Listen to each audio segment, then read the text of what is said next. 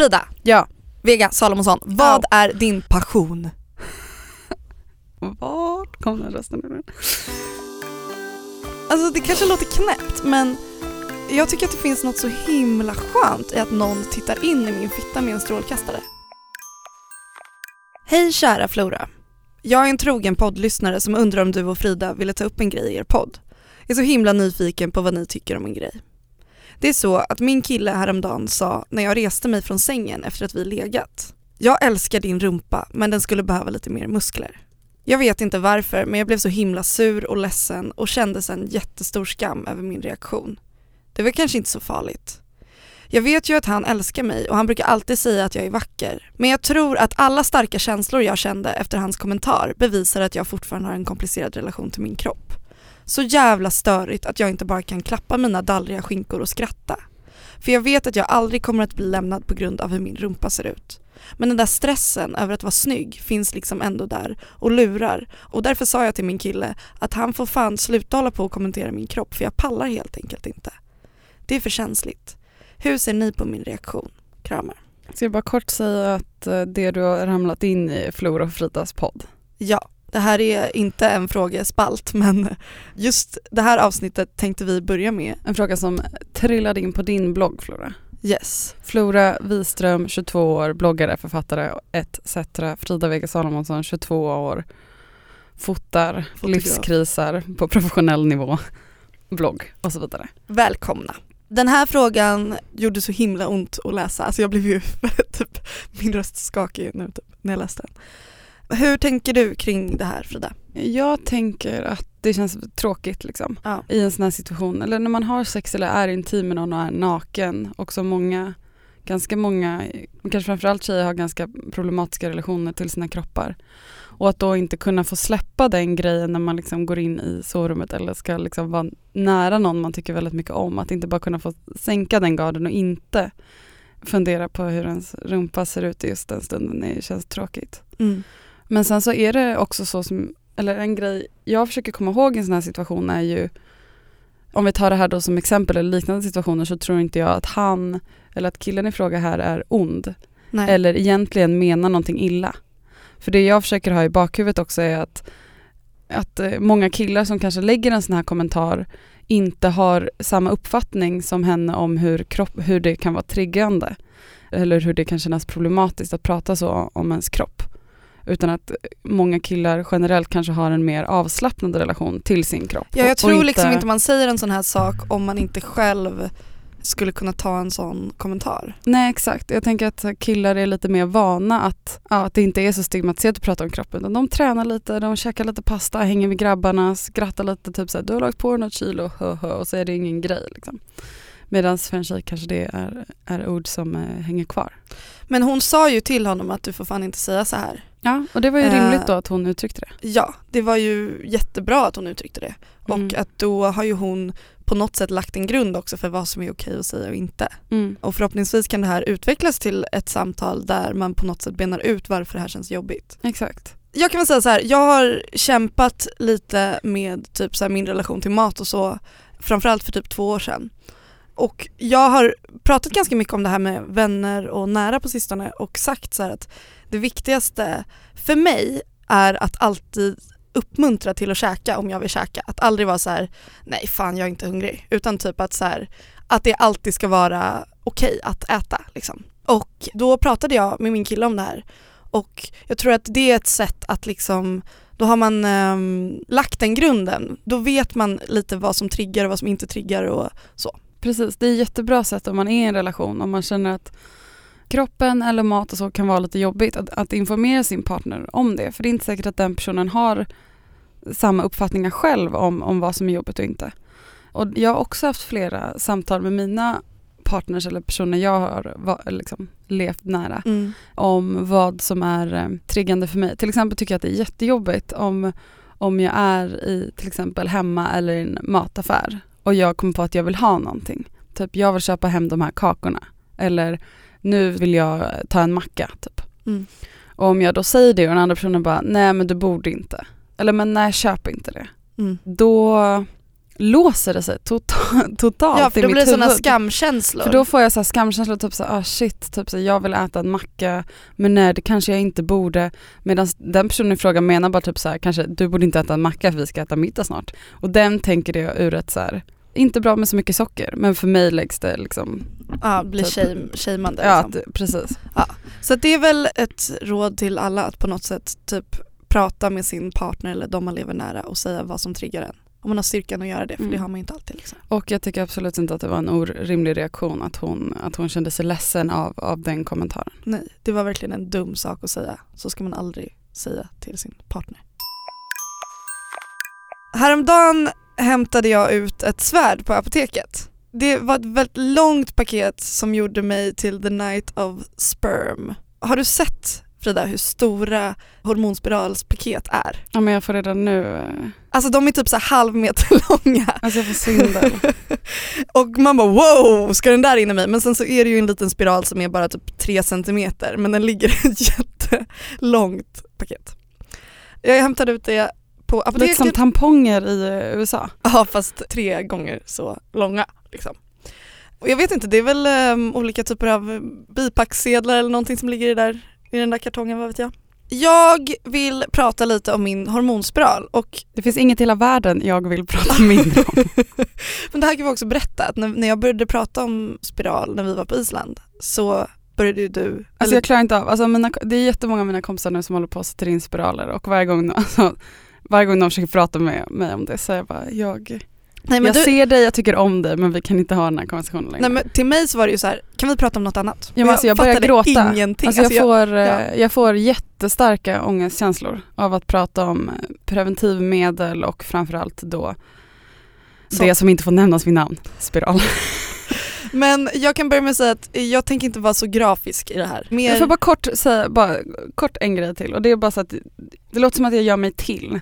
Men det är verkligen inte så. Alltså jag får verkligen jättestark ångest av att prata om det här. Jag tror att det ett beror på generellt att jag tycker att livmodern är så himla obehaglig och jag känner att livmodern är min fiende och roten till allt ont Mm. här i världen Mm. för kvinnor på så många sätt.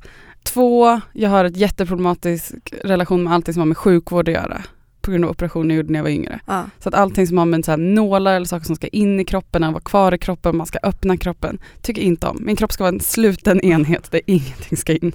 Och eh, tre, allting som har liksom sex och vaginas just nu är också så här känsligt. ja, och det har vi pratat om Ja. en del i den här podden. Men jag har sagt att Flora får köra och eh, så Eh. får vi se hur länge jag sitter kvar i den här stolen. Ja det började med att typ, jag kanske går ut när du spelar in här. Men det känns fint att du är här. Ja, Och jag kommer Du inte eh, gå in på detaljer. Eh, Så, Go. Jag vill börja med att säga att det här är ingen rekommendation än för att jag har bara haft min hormonspiral inne i en vecka. När det här kommit ut så är det väl två veckor. Och jag kan inte mm, då rekommendera det för jag, jag vet inte hur det kommer bli framöver. Men än så länge känns det bra. Så, Däremot vill Flora rekommendera upplevelsen i att sätta in en för hon tyckte att det var så härligt. eh, jag vill rekommendera ungdomsmottagningar och kanske barnmorskor. Jag har ingen erfarenhet av barnmorskor som inte tillhör ungdomsmottagningen. Jag är Mm. fortfarande 22 så jag får gå till den. Liksom. Mm. Så jag vill egentligen ta tillfället i akt och prata lite om Ingrid och Ylva på Norrtullsgatans ungdomsmottagning i Stockholm. Jag har också träffat dem. Ja, de är fina. Det är också något fint med den ungdomsmottagningen för att receptionisten så släpar runt i, sina, i strumplästen och det är så lite hula baloola. Jag vet inte, det är bara lite skön känsla. Paradise Hotel, Simon står, vad heter han? Simon, vad heter han? Du vet Simon med C? Simon C Lundberg. Ja just det. Är på en plansch inne på toaletten och han bara såhär, jag kollar pungen. Alltså det är bara så härligt. Varje gång jag sitter där och kissar i ett litet så här kisspung Fan vad härligt att Simon med C kollar pungen. Ja, Va? gillar honom. Jo, så jag kom ju då till ungdomsmottagningen för en vecka sedan och då var det de här två damerna där som hjälpte mig och de pratade så himla mjukt med mig för då hade jag ju bokat tid för den här spiralinsättningen. De pratade så här, hur mår du? Du behöver inte vara orolig. Vi har gjort det här så länge. Så ja, ja, sätt rumpan där. Visst var det fint väder idag. Så då sätter vi in den här. Nej men de var väldigt sådär liksom gulligulliga Mjuka. otroligt mjuka. Alltså det var som om de var, jag tänkte på dem som änglar när jag satt där. Jag bara det här är, det är ett så fint yrke de har.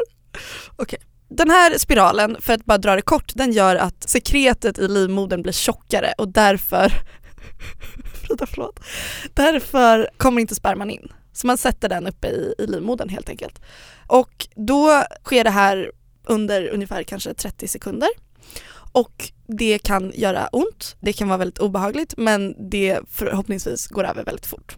Och då fick jag någonting, då, jag fick en mackapär som heter TENS. Har du hört talas om den Frida? Nej. Det är inte läskigt det här, det som jag ska berätta nu. Vad fick du titta på? Jag fick inte titta på någonting utan det är en metod för smärtlindring som bygger på stimulering med svaga elektriska strömmar. Alltså det är lite som en egen elektrisk stol. Fast på ett bra sätt. Mm. Det är liksom en batteridriven apparat som överför ström via ledningar till plattor som man sätter på magen som man klistrar fast med. Så. Mm. Mm. Ja. Och det blockerar smärtnerverna och stimulerar det system som frigör endorfiner. Så jag fick de här elektroderna fastklistrade och sen så fick jag då styra de här stötarna eller de här elektriska impulserna själv. Det var lite som att du var på Tom Tits. Det var verkligen som det. Det var helt sjukt. Alltså, jag blev väldigt upphetsad av det här, alltså på ett, jag menar excited, inte Mm. kåt. Det är ungefär lite som när man nyper sig i knät när man har fått ett getingstick. Mm. Alltså att man vill förleda smärtan men också så rent fysiskt så är det ju smärtlindrande då. Så att Ylva började då röra runt inuti mig. Så, känns det bra? Då sticker vi in det. Kommer gå jättefort. Det kommer vara lite obehagligt. Ja, men ja. Känns det bra? Känns det bra det här? Känns det bra Flora? Mm. Känns det bra? Men jag hörde liksom hur hetsiga mina andetag var och jag märkte också hur jag blippade upp den här tensgrejen mer och mer så till slut låg jag där och bara Men det var helt okej, det var kul. Alltså det kanske låter knäppt men jag tycker att det finns något så himla skönt i att någon tittar in i min fitta med en strålkastare. Mm. Jag känner mig liksom sedd, jag känner att jag blir tagen på allvar. Och att det som är det allra mest privata får bli liksom kunskap och anatomi och att det får bli avsexualiserat där och då. Jag tycker att det känns så skönt. Mm. Så jag njöt av den grejen också. Och så, så hela tiden så hörde jag ju då Ylva säga, mår du bra? Ja du är så duktig, du är så duktig. Och Ingrid, ja du är så duktig, så duktig. och sen så var allt över liksom på... Du gillade på, helt enkelt att ha en, che- en cheerleader. Ja, Klack! två Mm. stycken. En som sitter och klappar mig typ på armen och en som bara smeker mig. Typ. För det är också det när de sticker in någonting i fittan Mm. då, då liksom tar de baksidan av händerna och smeker insidan av låret för att på något sätt säga så här: nu kommer jag in i alltså Mm. det- så att det inte blir så här helt plötsligt har man något i Mm. sig utan att det är Mm. som, ja. Jag tycker bara det är mm, härligt. Mm. Och sen så satte de in den här och det gjorde ont men det gick över väldigt fort och så här, jag har ju hört folk som säger att det är skitont och ja det gjorde ont men det gick över så fort så att för mig var det inga konstigheter. Jag, jag, bara, jag sa det till dem efteråt, jag bara oj var det så här? Gud jag, Mm. jag trodde att det skulle vara mycket värre. Mm. Mest var det ju en obehaglig känsla liksom men i och med att det är över på typ 30 sekunder så bara ja okej. Men det finaste det var att jag så här, fick ligga kvar där efteråt på det här pappret som är på den här gynekologstolen och det prasslade lite under min rumpa så här, och låg och tittade på den här triptyken med orkidémotiv som de har på väggen, så här, äkta IKEA-bilder Mm. och låg där och kände hur tårarna rann. Och att det var ju dels såklart att jag, det var en chock att vara med om alla de här elektriska impulserna och att det här hade hänt. Men att jag var så himla rörd. Och jag sa det, så här, jag fick den här tjocka bindan och fick ett glas vatten och satt där och var lite så här yr och jag bara så här, hörni jag måste bara säga tack för det här var så fin upplevelse. Och så sa de så här, tack ska du ha. Vi gjorde det här tillsammans. Fint. Mm. Så att ja, fin upplevelse. Häftig, det var Mm. omtumlande. Alltså jag eh, har varit i den där gynstolen så många gånger på exakt samma ungdomsmottagning. Så Mm. för mig, Ditt sekret kanske är mitt sekret nu. ja exakt. Men framförallt så då så har jag svårt att ha samma så här härliga bild. Mm. För att, jag vet inte. Nej men gud det fattar jag verkligen. Alltså jag har varit där tre gånger. Typ. Ja. Jag tycker att det är väldigt bra att ungdomsmottagningen finns för att eh, det är ett ställe där man väldigt fort kan få tid och det märker man också om man har försökt få tid inom vuxenvården på gynekologmottagning eller på kvinnokliniker att väntan är liksom typ ett halvår Det är helt sjukt. för någonting man kanske behöver hjälp med på en gång. Så det är jättebra med Det ungdomsmottagningen så och det känns väldigt Prioriterat. tråkigt att jag eh, om bara någon månad inte kommer kunna gå igen. Ja. Men å andra sidan så varierar ungdomsmottagning i kvalitet och de som jobbar där väldigt mycket Gud ja. på olika ställen. Det finns ju, man har ju hört folk som shamear tonåringar hur många gånger som helst. Liksom, Ja, som exakt. säger oj då, du ska Mm. tänka på att inte ligga runt så mycket. Mm. Men det är i alla fall helt sjukt att det är så svårt att få tider på den vuxna, vad kallar man den? Vuxenvården? Nej. Ja, Eller så vanlig gyn- gynekologmottagning helt enkelt. Att det blir så tydligt hur det är så här, Ja, en kvinnogrej som inte riktigt är lika prioriterad. ja det är verkligen sjukt. Mm. Vi ska ju prata om något annat idag också Frida, vad är det? Passion. How do I find my true passion? This is a hyper inspirational speech about finding your passion, your true destiny, your happiness, your purpose in your life. skojar, skojar, alltså på riktigt, jag skojar bara. Frida, Ja.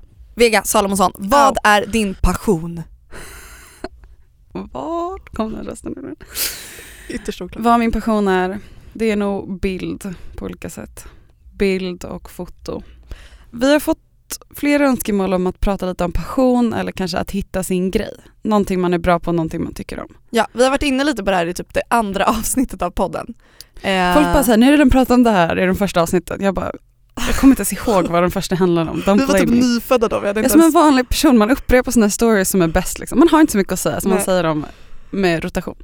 För jag tänker att när man var lite yngre så satt man där och man vill, man ville hålla på med någonting kreativt. Man insåg ganska tidigt att man var Man. kreativ. Du ville det. Alla Om man- inser inte det. Nej men om man är en kreativ person, eller vadå, när man är yngre tänker man typ såhär, ska jag bli delfinskötare, ska jag bli det här? Ja, absolut. Och så drömmer man om olika grejer, typ Mm. såhär, det vore Mm. så himla fett att typ skådespela, eller Mm. det, tänk om man vore konstnär, det vore fett nice. ja. Det känns som det är så mycket, det finns så många dörrar. ja, man kan bli helt liksom apatisk av alla de dörrarna. So what door to pick yo? Precis. Flora. Jag tänker att, så här, att hitta sitt call eller hitta sin passion är lite som att vara olyckligt kär. Alltså det är en drivkraft. Det låter väldigt, väldigt jobbigt. Mm. Ja, alltså 100% jobbigt. Alla som har varit olyckligt kära vet att man trånar efter någon väldigt mycket. Det är liksom en drivkraft som gör att man är villig att ta till alla medel för att nå dit. Mm. Man vill liksom bara bli skedad men för att nå dit så måste man vara extra rolig i sms-konversationen, man måste gå till samma barer som den man är kär i. Man måste, Förnedrar man sig med ett kvart i tre sms till sin passion? det gör man garanterat. Alltså ibland slår det rätt och ibland slår det fel men man liksom gör allt. Man kanske köper en samling olika mjöler och går till hens dörr och säger I brought you flowers. Alltså man kanske gör alla de grejerna och ibland får man inte svar, ibland är personen inte på den baren, ibland tycker kanske inte den personen om mjöl. Eller Men- dig. Eller mig. Men man kommer på ett annat sätt Mm. med risk för att låta stakig. Man Mm. gör liksom allt. Mm. Och det, det är så här jag upplever typ till exempel att skriva en bok. Att det är fruktansvärt att tänka så här, jag ska, jag ska skriva en hel bok. För att det är så, det är så lång process. Mm. Men att man ändå liksom, det hugger till i magen men man vill, så, man vill det så jävla gärna att jag kommer sitta där och slita mitt hår. Jag kommer behöva redigera och skriva om och liksom må dåligt över och hata det jag gör men det är också det som gör att jag vet att jag vill. Mm. Kan du relatera till det? Absolut. Och jag tror lite så här att det finns olika personlighetstyper. Antingen är man, alltså jag tror att passion också handlar jättemycket om eh, disciplin och driv.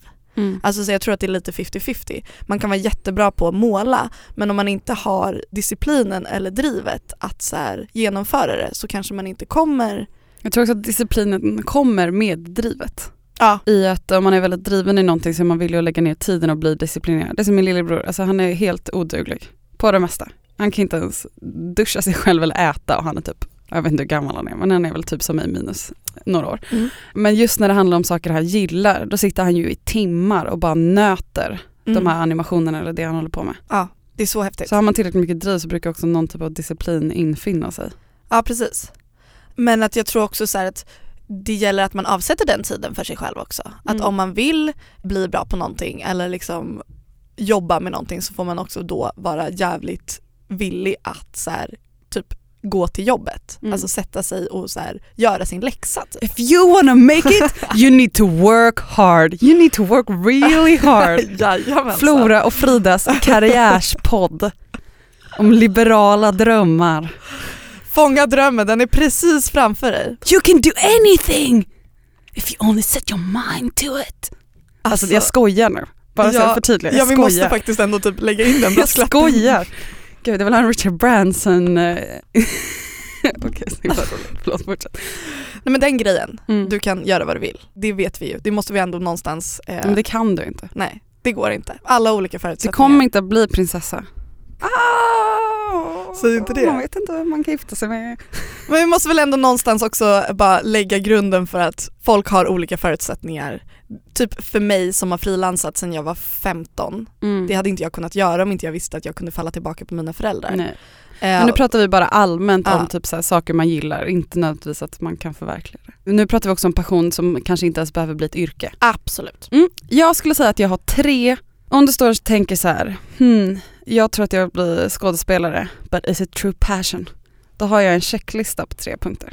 Första punkten är att jag tror att passion är någonting som man älskar och verkligen vill göra oavsett hur man kommer lyckas med det.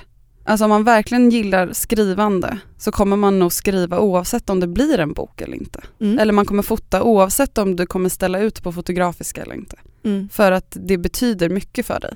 Och det stimulerar dig att hålla på med det och det ger dig någonting personligen. Så det är mer någonting som kommer inifrån än att liksom, någonting som ges till dig utifrån. Ja. Så det är punkt ett. Så bra. Skulle du göra det här oavsett om ingen applåderade åt dig? Liksom. Två, det är att jag tror att eh, passion är när man uppskattar resan, processen, inte nödvändigtvis bara slutresultatet. Till exempel om vi tar då författare. Jag vet inte varför jag pratar om det som att jag har så mycket insikt i det. Men, vadå? Men det är tydligt. Det är tydligt, det är text och så blir det en bok. Till exempel då att om du vill bli författare så tror jag att man måste uppskatta tanken att skriva boken. Ja, gud Man måste ja. göra de här skrivövningarna, man måste skriva, man måste liksom Nöta. stryka, nöta, inte bara gilla tanken på att det vore så fett att ha sitt namn på en eh, bok i en bokhandel. Även om det också är fett och en morot Mm. så måste man gilla att göra andra.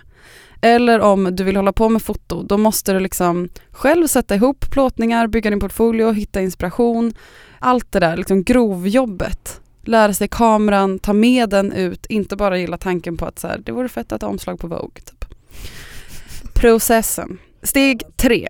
Nu tar du fram din webbläsare, du går in på Youtube. På Youtube skriver du matgeek. Söker på honom, får upp en Youtube-kanal om en kille som är en matgeek. Titta på några videos och så känner du efter, känner jag lika starkt inför det jag tror att jag har en passion för, så som han känner inför mat? Mm, mm. Den här syrligheten och friskheten ifrån passionsfrukten tillsammans med den lite fetare bavorasen. Mm. Det här är vardagsglädje på något sätt för mig. Och så fräschören ifrån hallonen tillsammans med saffranet. Ah. Mm. Ett glas rom eller bara precis som de är därför att de rymmer så väldigt, väldigt mycket smak. Ah. Ah.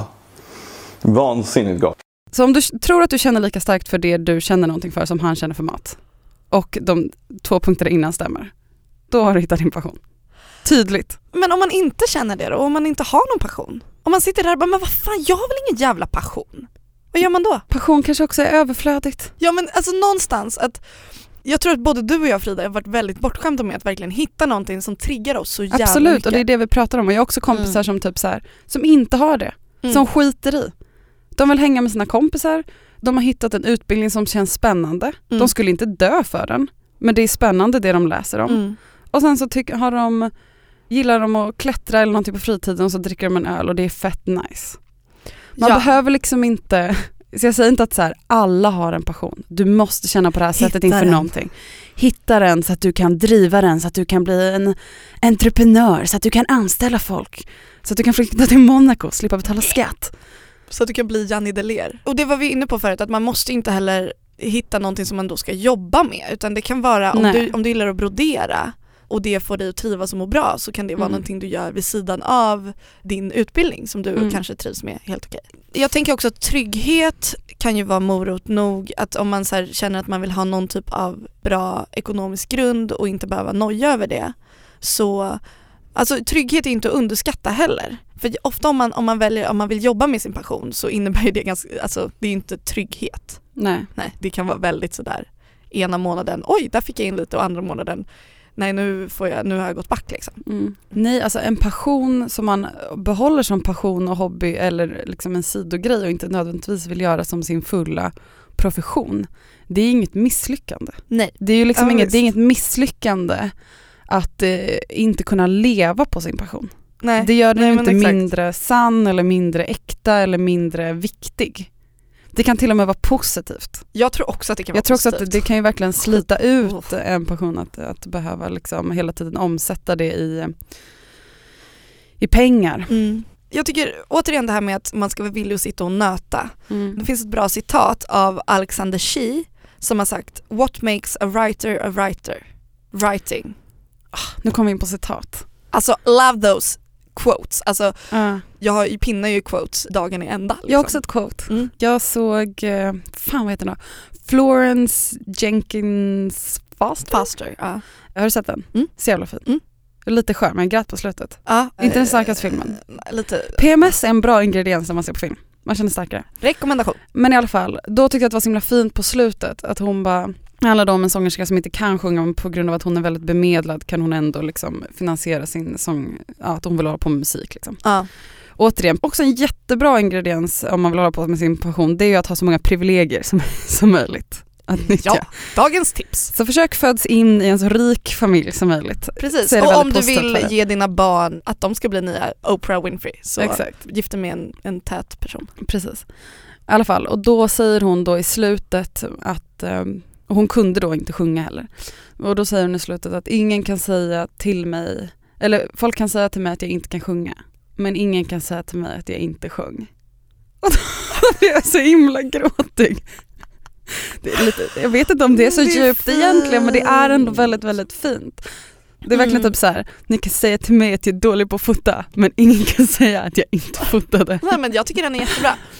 Min kompis My sa till mig någon gång att så här, Flora tänk inte att du ska skriva en bok, tänk att du ska skriva. Mm. Det är samma sak där, att så Mm. här, låt drivkraften vara själva skapandet och Mm. inte slutprodukten. Liksom. Mm, Mm, exakt. mm, mm. Det gör en till en lite lyckligare person. Mm. Men sen så tänker jag återigen när vi pratar om så här, hur man ska hitta sin passion Mm. så tror jag att många tänker att, åh nej vilken waste att jag gjorde det där när inte det blev det jag vill jobba med. Mm. Och absolut, det kan vara ett jättestort och är ett jättestort problem med när CSN inte räcker till till exempel.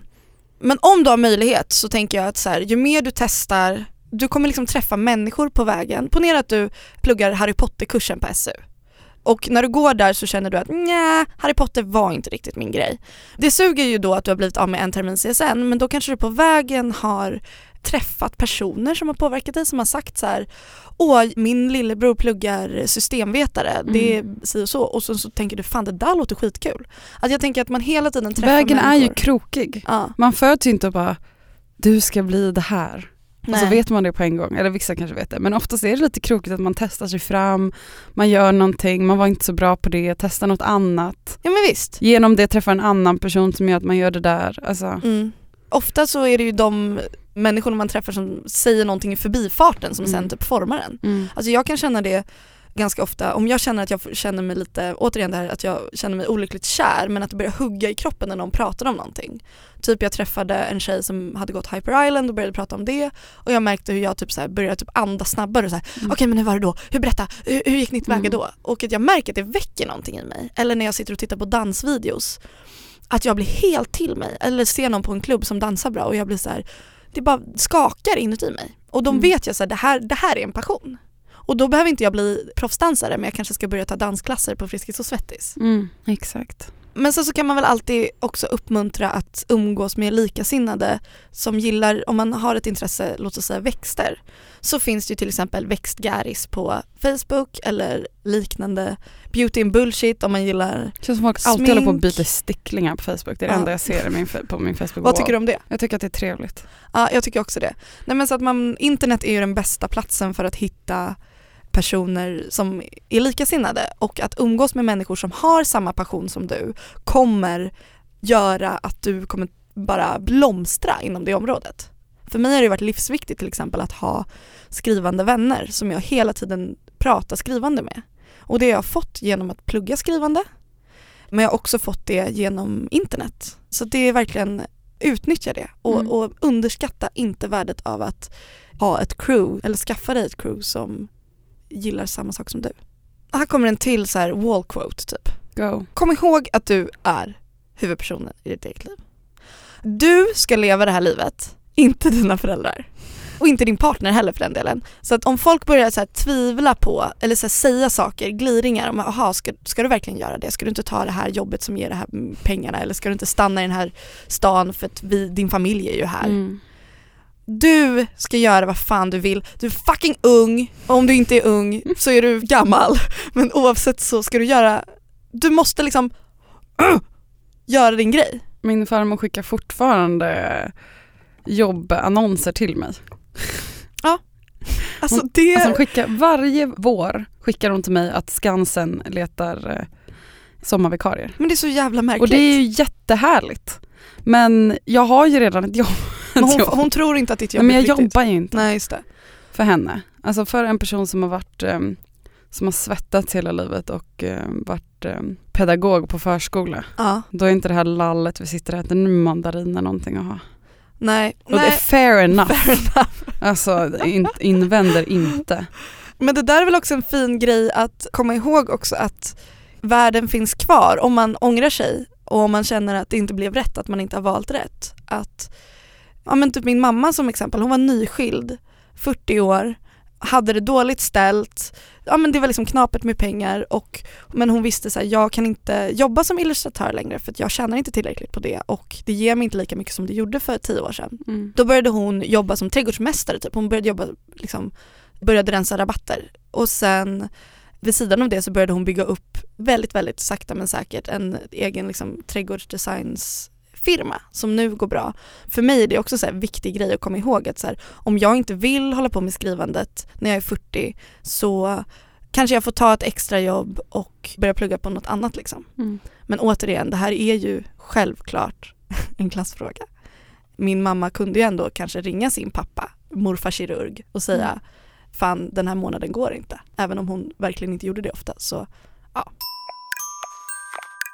Jag går inte ut så ofta för att jag eh, spelar board games på helgerna där man ska erövra olika regioner i lite, Game of du är Thrones. lite busy med att ta land istället. Precis, jag spelar ofta som Targaryen och eh, jag eh, led av en större förlust vid spelomgången i, igår. Det är därför Frida är lite, är lite fragile idag. Alltså jag blir så jävla arg när vi spelar. Alltså Nim höll två av hennes områden helt i onödan med mycket fler liksom, resurser och mer än vad hon egentligen behövde.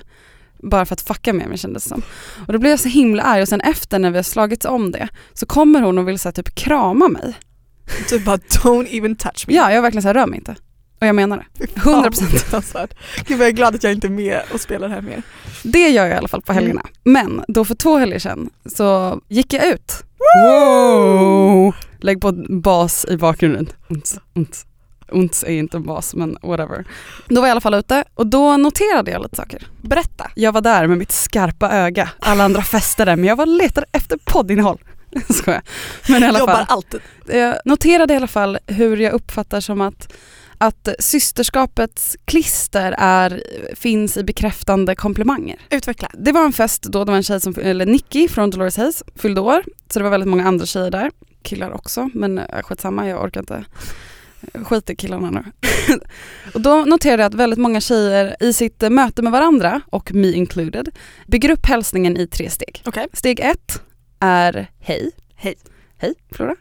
Ofta följt av en kram eller som då inom vissa kreddigare cirklar i Stockholm en kindpuss eller två. Tillåt mig att spy. Det betyder att man är lite kontinental Flora. Tycker det är så jobbigt. ah. Ja, i alla fall. Steg ett. Steg två är, hur är det? Den är ju motsvarigheten till amerikanskans How are you? Ja, eller WhatsApp. typ, Alltså jag tänker att det är så här, det förväntas inget svar. nej nej nej, men det är verkligen typ så här. Ja. hur är läget? Ja. Och så ler man och så frågar den andra. Det är en typ så här, jag Bra. ser dig, jag Ja. ser dig. Whatever. Steg tre. Åh, gud vilken fin klänning slash hår slash smink du har. En Gud, komplimang. ja. Mm. Som bakas in redan i hälsningen som Mm. är fint så här, jag ser dig. Mm. Och jag gör också det. Jag märkte det. Varje person jag hälsar på. Så jag bara, hej, hur är det? Shit vilken fin tröja du har. Eller så, här, gud vilken fin ögonskugga. Alltså att det är som ett ytterligare steg att man ser den andra, att man uppskattar liksom någon, alltså att man ger en komplimang. Och då sen lite senare så läste jag en jättespännande Facebook-tråd på Tone Schunnesons wall Okej. på Facebook och den handlade just om hur generösa tjejer generellt kanske är med sina komplimanger och bekräftande ord. Medan män generellt kanske är det i eh, mindre utsträckning. Just Ja. komplimanger. Och män kanske ger färre kommentarer för att, till tjejer då, för att män mest relaterar till andra män. Och därför i inte i lika hög utsträckning faktiskt tycker att kvinnor gör bra saker. Eller om det är för att de bara inte är lika generösa. Och då flikade någon in i den tråden att hon trodde att män ofta är rädda för att tjejer ska bli kära i dem. Eh, om de ger bekräftelse. Och om tjejer då blir kära så innebär det att de blir efterhängsna och klängiga.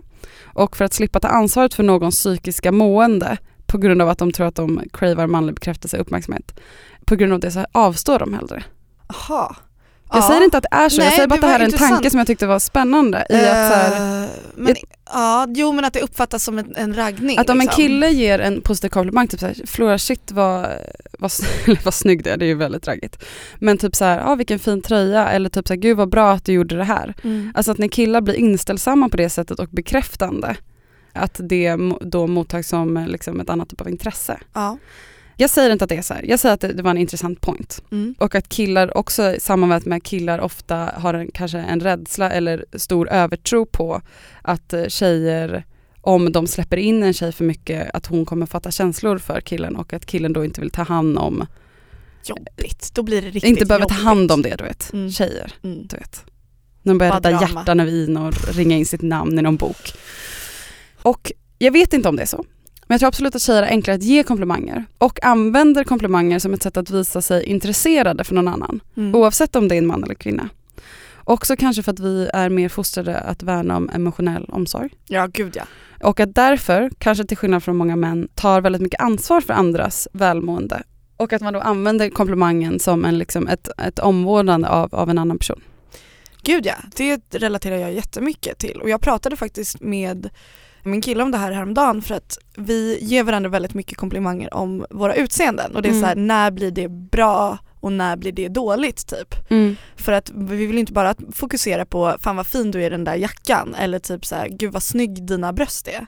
Men att man vill ju fortfarande ha de komplimangerna. Alltså jag älskar när folk säger att mina bröst är snygga.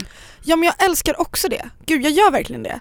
Men om det är någonting som gör mig riktigt glad Mm. så är det ju när någon säger så här, Flora, ja men säger något om min personlighet. Mm. Eller om jag skulle säga Frida, du är så jävla rolig. Jag vill att någon ska se mig på insidan. Ja men det är någonting, alltså jag, ger, jag är en person som ger väldigt mycket komplimanger och jag Mm. ger för att jag tror jag uppskattar folk genuint liksom.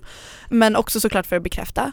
Och det är ju dels vad folk har på sig eller hår och whatever. Men jag tror att det är superviktigt att tänka på att ge folk komplimanger för prestationer, inte, Gud, eller så absolut, personlighetsdrag och sånt där också. Ehm, Vi hade faktiskt en eh, diskussion i, i mitt kompisgäng om det här, jag tror att det var för ett år sedan. mm.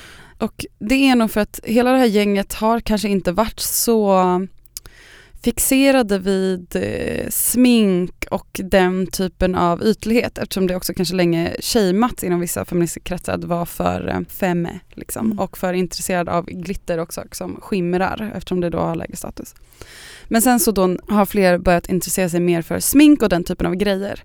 Och att vi då behövde ta ett samtal om det för det var vissa inom gruppen som kände att det var jobbigt att just utseendet tog så mycket plats. Mm.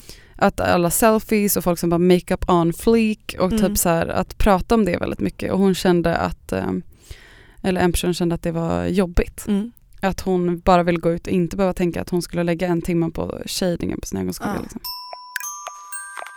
Jag skulle bara också vilja tipsa om eh, den personen stories jag ofta snor, när, framförallt när det handlar om Tinder, jag känner igen henne från eh, Tinder-killen som var catfish och så vidare, Kristina. Hon har börjat göra podd. Va? Ja. Fatta. Okej. Fatta är då organisationen som en feministisk organisation som framförallt jobbar väldigt mycket mot sexuellt våld Ja. och samtycke har en, eh, en podd som heter Fatta. Så sök på den och lyssna på alla avsnitt som Kristina Garnet har gjort. Fan vad kul. Bland annat om eh, kropp och så med eh, Babe Ebba och en som handlar om sexuella trakasserier på skolan. Skit i de andra avsnitten, lyssna bara på dem två. Det ska jag göra. Hashtags! Ja, Två jättefina. En tjej som låg och myste med sin kille och en katt i sängen och Ja. lyssnade. gud vad mysigt det var. Det Denisus. Tack Det för... Denisus, så himla mysigt. Och Astrid Olsson med ett nolla istället för o på Olsson Mm. har gjort keramik och lyssnat på oss och det ser också så himla himla fint ut. Det här är på Instagram alltså. Mm. Som sagt, skriv inte till oss på Twitter. Det är flaskpost som inte kommer fram. Stämmer. Blyertsdikter sitter och lyssnar på oss också i en väldigt fin gul tröja. Tack för att ni delar lyssningarna. Vi är ju i final till i Svenska podcastpriset i, inom kategorin kultur och livsstil. Så sjukt. Eller? Kultur och Nej, konst. konst och kultur. Nej, Konst- konst och livsstil. Konst och livsstil. Så att nu är det sista uppmaningen. Vi ska bli så himla glada om ni röstade på oss. Alltså så här är det, Fredagspodden är i samma kategori och de är ju en av Sveriges största poddar. Så att liksom snälla rösta Kan på vi inte oss. bara i alla fall få nosa lite på dem i kan bakgrumpan? inte vi bara få känna deras härliga odör? Smeka dem lite på innanlåren. Mm.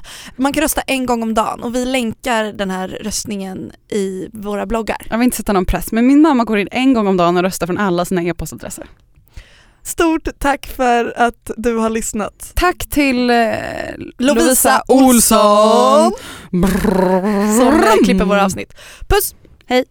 Missa inte att fem av poddkreatörerna från Radio Play har gjort varsitt specialavsnitt med jultema i podden Adventskalendern. Det är nytt avsnitt varje söndag, bara här på Radio Play. Ett poddtips från Podplay. I fallen jag aldrig glömmer djupdyker Hasse Aro i arbetet bakom några av Sveriges mest uppseendeväckande brottsutredningar. Går vi in med hemlig telefonavlyssning och, och då upplever vi att vi får en total förändring av hans beteende. Vad är det som händer nu? Vem är det som läcker? Och så säger han att jag är kriminell, jag har varit kriminell i hela mitt liv men att mörda ett barn, där går min gräns. Nya säsongen av Fallen jag aldrig glömmer på Podplay.